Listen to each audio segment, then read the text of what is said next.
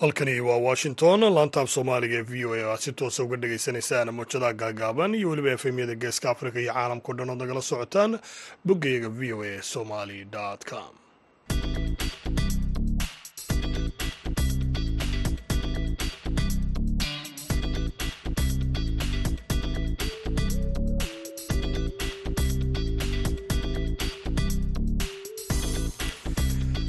waa duhurnimo isniina taariikhduna ay tahay. Soddonka bisha januari ee sanadka laba kun iyo saddex iyo labaatan waxaa dhegaystayaal idaacadda duhurnimo ee barnaamijka dhallinyarada maantana halkan idinkala socodsiin doona anigoo ah cabdixakiin maxamuud shirwac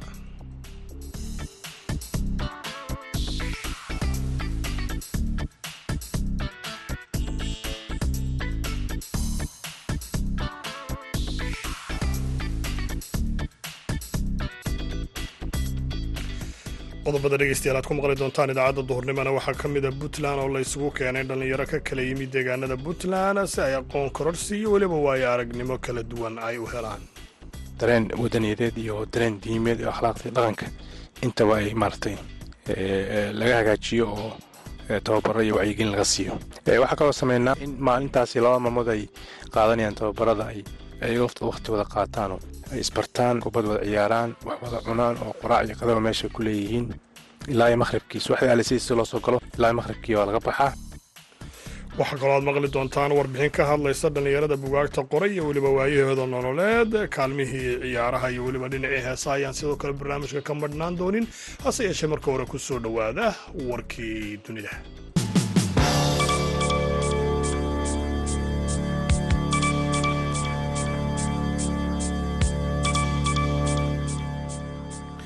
maxkamadda militariga ah ee soomaaliya ayaa xabsi siddeed sannaha ku xukuntay xaaska hogaamiyihii daacish ee soomaaliya cabdiqaadir muumin maxkamadda ayaa sheegtay in fartuun cabdirashiid xuseen laga soo qabtay degmada huriwaa ee magaalada muqdisho bishii maarso ee sannadkii laba kun iyo labaiyo labaatan kadibna lagu soo wareejiyey xeer ilaalinta maxkamadda militariga maxkamadda ayaa ku eedeysay inay xidhiir shaqolo lahayd madaxdii maaliyadda ee ururka daacish ee soomaaliya oo maraykanku ay toddobaadkii hore ku dileen buuraleyda cali miskaad oo magaciisa lo odhanaya cali miskaad bilaal al suudani waxaa sidoo kale ay maxkamadda ku eedeysay inay martigelin jirtay xubnaha daacisha ee magaalada ku dhumaalaysanaya iyo weliba kuwa cusub bilaal al suudani ayaa maraykanku ku eedeeyeen inuu ahaa isku xidhe ururka ururada daacish ee caalamka gaar ahaan kooxda ku sugan dalka jamhuuriyadda dimuqraadiga ah ee kongo iyo weliba daacishta mosambiq ciidamada ruushka ayaa duqeyn ay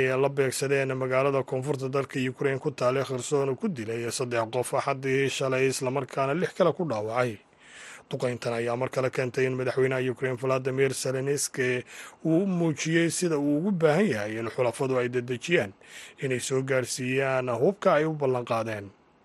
Isagoo sidoo kalena sheegay in dhismayaal deegaan ah oo ay ka mid yihiin cusbitaallo dugsiyo goobo basaska laga raaco goobo boosta ah iyo weliba bangi ay ka mid yihiin meelaha khasaaruhu soo gaadhay magaaladaasi kherson ruushka iyo weliba ukrain ayaa sidoo kale axaddii soo saaray warar iskhilaafsan oo ku saabsan kooxda ama midkooda gacanta ku haya dhulka u dhow balhotene oo ku taala gobolka doniski ee dalkaasi ukrain dhegeystayaal warkiina waa naga intaa u diyaar garooba qaybaha kale ee idaacadda duhurnimo ee barnaamijka ah dhallinyarada maanta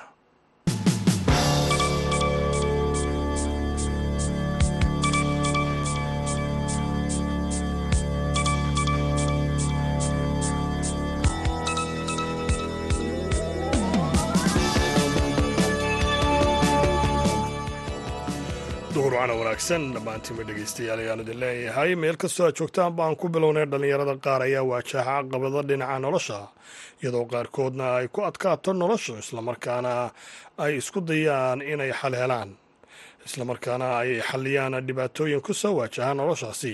Waxaana jira dhallinyaro buugaa ka qoro dhibaatooyinkaasi soo maray si ay wax unaga faa'iidaan islamarkaana ay u helaan jiilalka kale khibraddaasi wariyahayaga haashim sheekh cumar good ayaa la kulmay mid ka mida dhallinyarada reer boorama ee qaybta ka qayb ka mida noloshooda wax ka qoray. Dhallinyarada soomaaliyeed waxaa jira inay qaarkood ka diyaariyaan qoraalle iyo buug waayaha nololeed iyo dhibaatada ay kala kulmaan nolosha.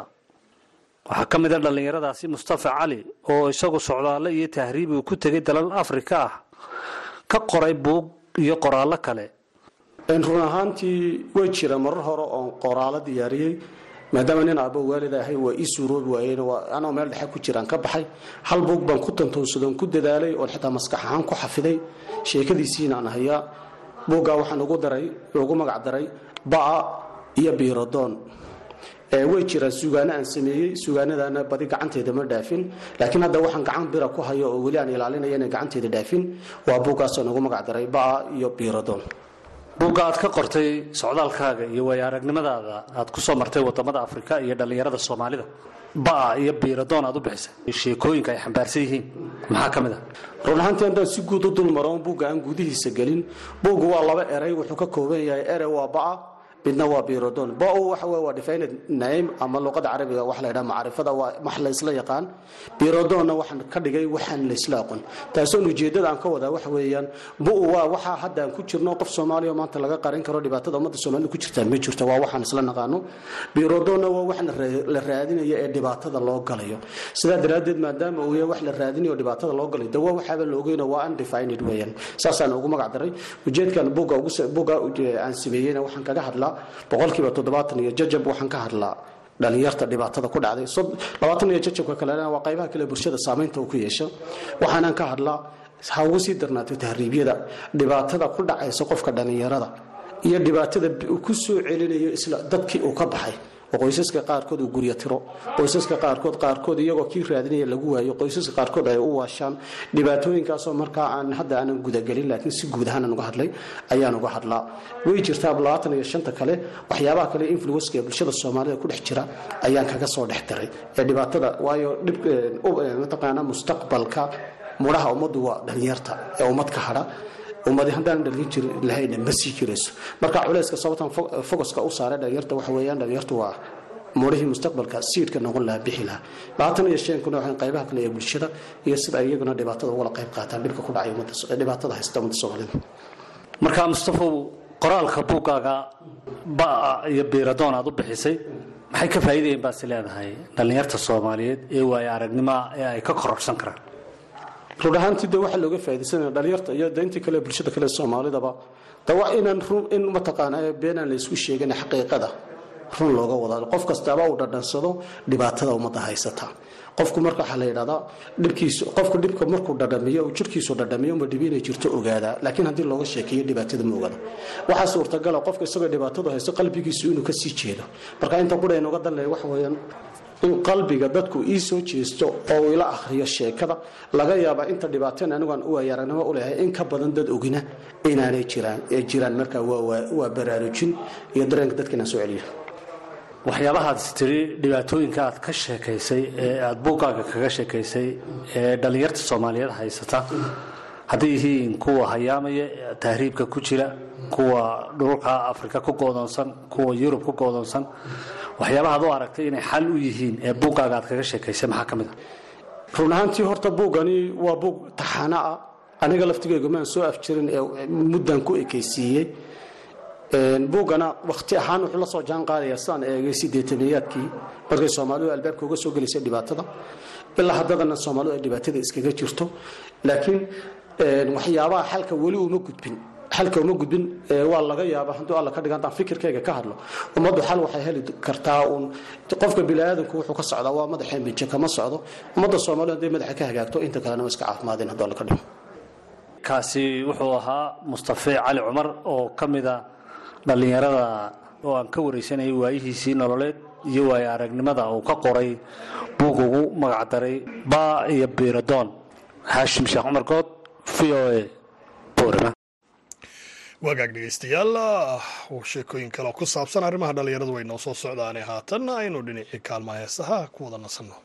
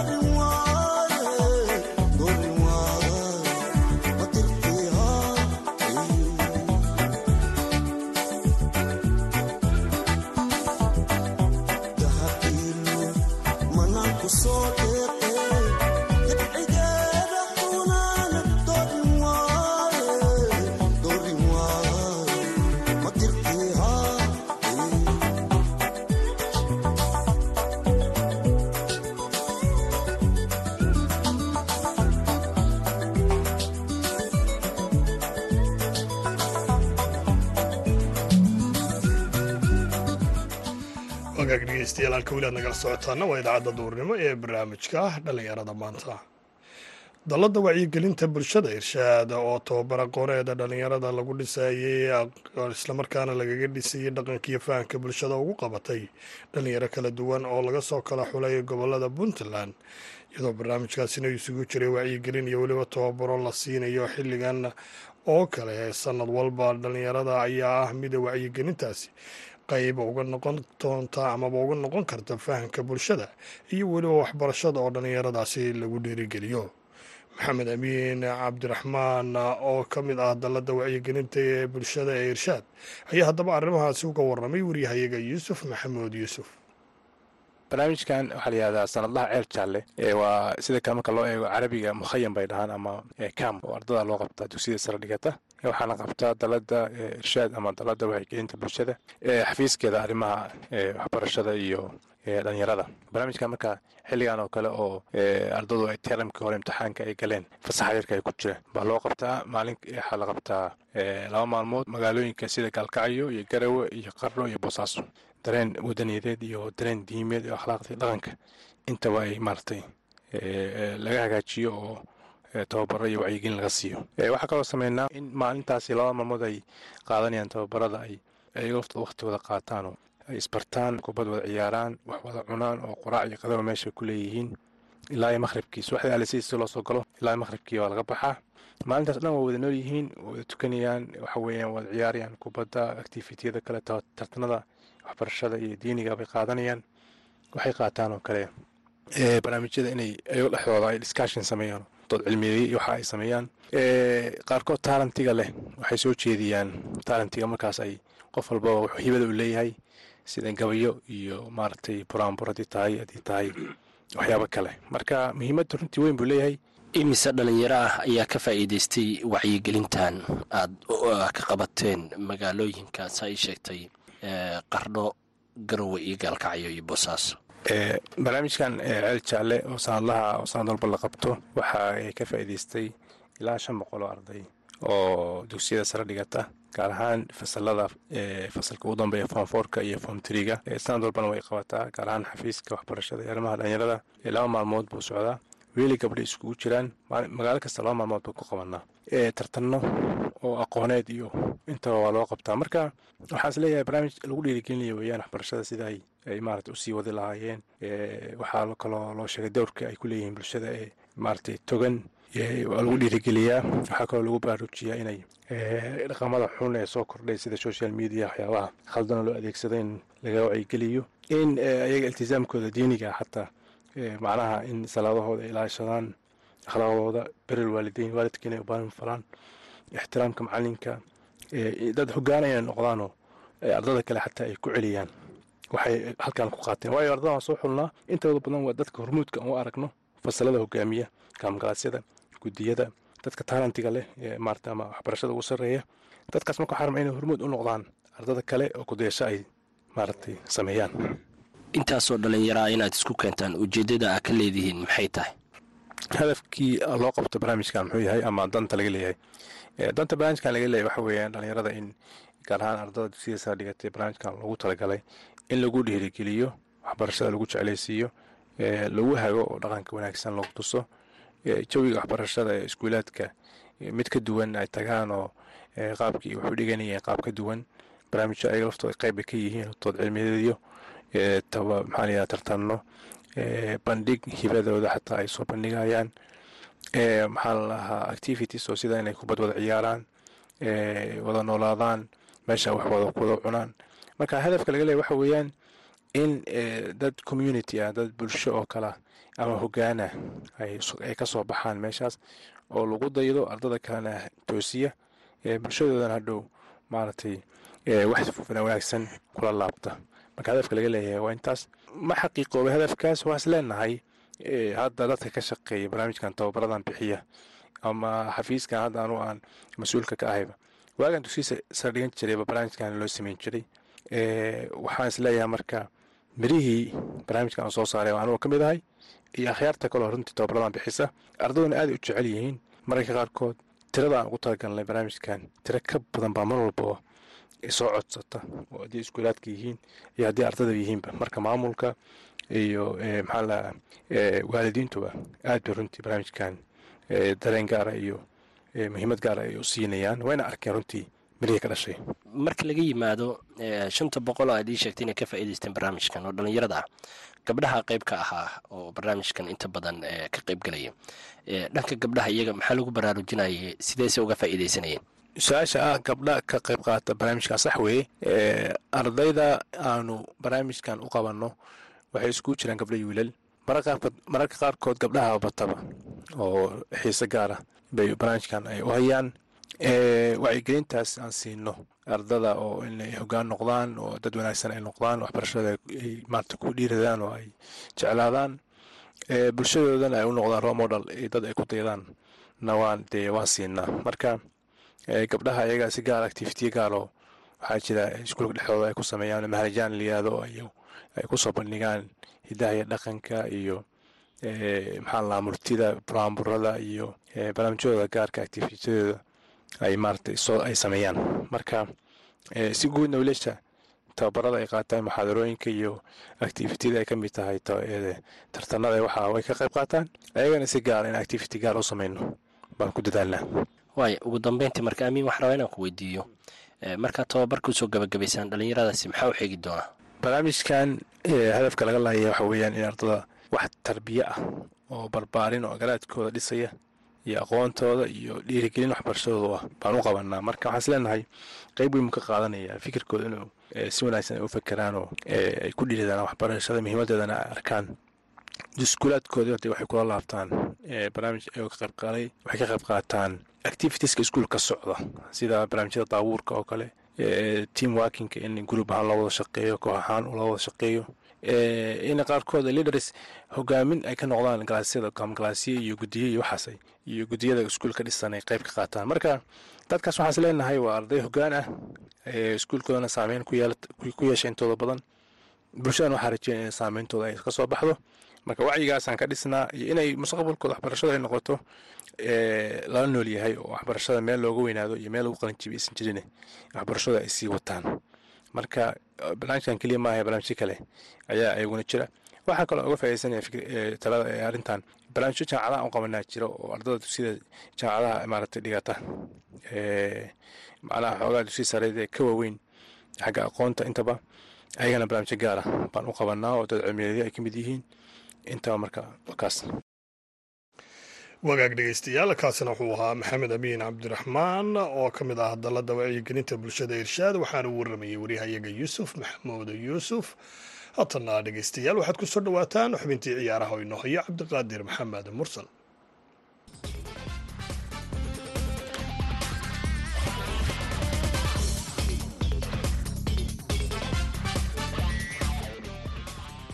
Kulanti wanaagsan dhegaystayaal ku soo dhowaada xubinteenii cayaaraha aan ku bilownay kooxda naaboli ee kubadda cagta ayaa xalay dheeraysatay hogaanka horyaalka siraaga kadib markii laba gool iyo gool ay ku garaacday kooxda roma oo garoonkooda ay ku martigeliyeen.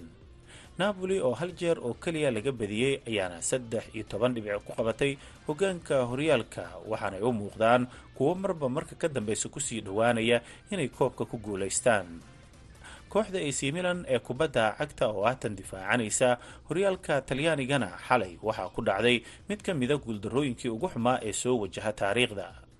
Ac milan oo u muuqatay markab sii liicaya tan iyo intii laga soo laabtay koobka adduunka ayaa xalay iyagoo garoonkooda sansiri jooga waxaa shan iyo laba uga badisay kooxda sisola haddaba kooxdan oo sannadkii la soo dhaafay ku guulaysatay horyaalka oo toban sannadood ka hor ay ugu dambeysay xaggee laga haystaa ayaan weydiiyey. Nuur bukhaari oo si weyn ula socday.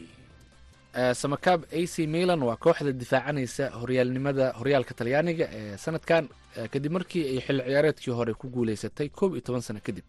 Dad badan ayaa filayay in xilli ciyaareedkanna ay ku celin karto maadaama ciyaartooy dhalinyaro ah iyo kuwo kale oo khibrad leh ay maaragtay kooxda isku darsatay laakiin taasi ma dhicin. Qeybtii hore xilli ciyaareedkan guulo badan ayay gaartay. Koobka adduunka markii la gaaray maaragtay la hakiyey horyaalka talyaaniga iyo horyaalada waaweyn ee yurub markii dib la isu soo laabtay ee koobka adduunka laga soo laabtay hal kulan oo keliya ayay badisay kaasoo ah afartii bishan january salernitana ayay laba iyo hal kaga badisay. Waxaa u xigay sideedii january roma ayay la ciyaartay ciyaar aada u wanaagsan ayay soo bandhigtay ilaa siddeetan daqiiqo ayay maaragtay ku gacan sarreysay laba iyo eber.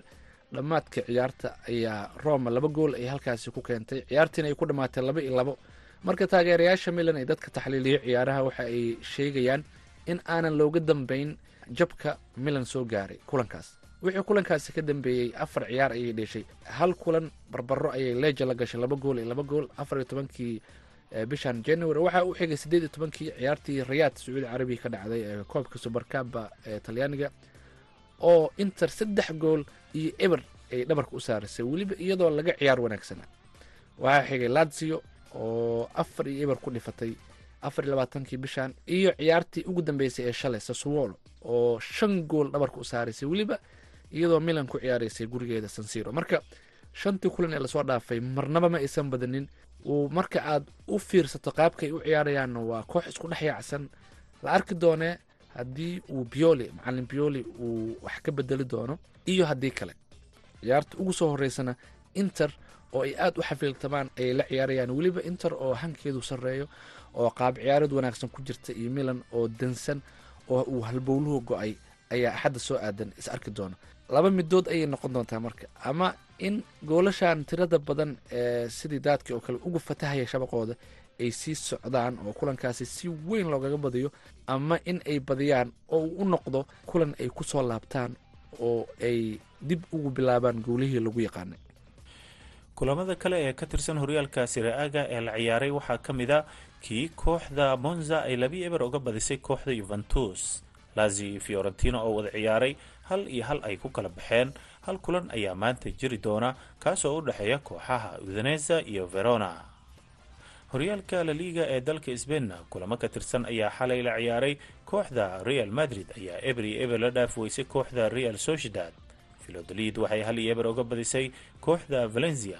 Saltafigana waxay hal iyo eber uga badisay kooxda atlantic club hal kulan oo ka tirsan horyaalkaasi ayaa caawa la ciyaaraya waxaana u dhexeeya kooxaha villareal iyo rio volcano. Dalka ingiriiskana kooxda liverpool ee kubadda cagta ayaa xalay laga ciribtiray koobka f a kaabka oo ay kaga hortageen.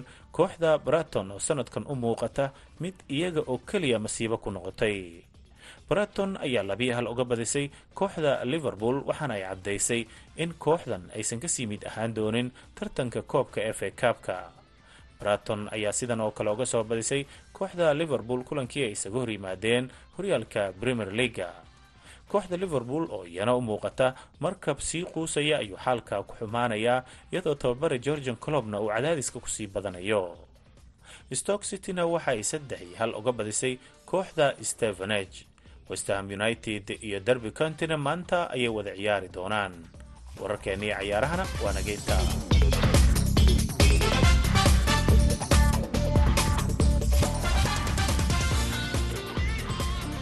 wararkaasi ciyaaraan dhegeystayaal waxayna la socodsiinayey waryahayaga cabdiqaadir maxamed mursal. Gabagabada idaacaddeena maraynay haatanna mar kale aynu dib u jallecno dhinacii kaalmaha heesaha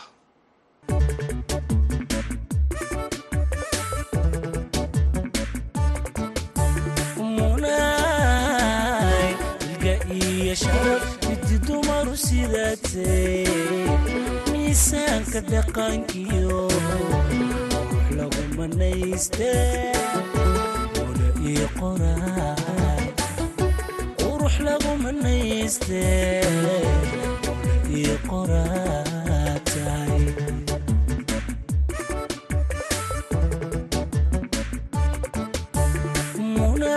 munay ilga iyo sharaf midi dumaru sidaatay miisaanka dhaqankiyo qurux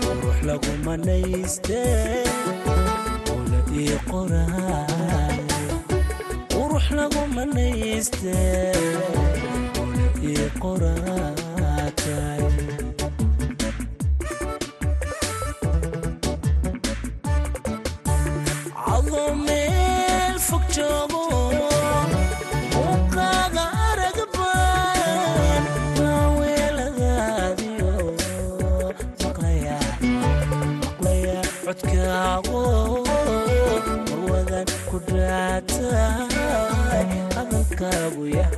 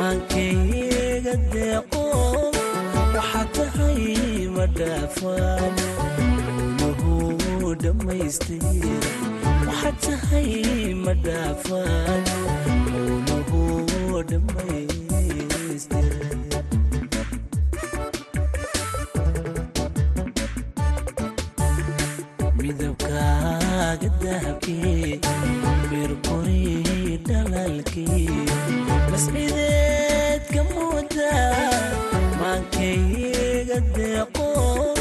Waxaa tahay ma dhaafaan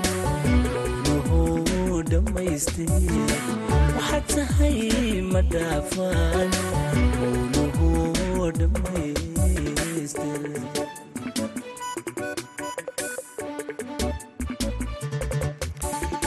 heestaasi ayaana dhegaystayaal ugu dambeysay idaacaddii duurnimo ee barnaamijka dhallinyarada maanta tan iyo kulanti dambe dhammaantiinba waxaan idin leeyahay meel kastoo aad joogtaanba sidaa iyo nabadgelyo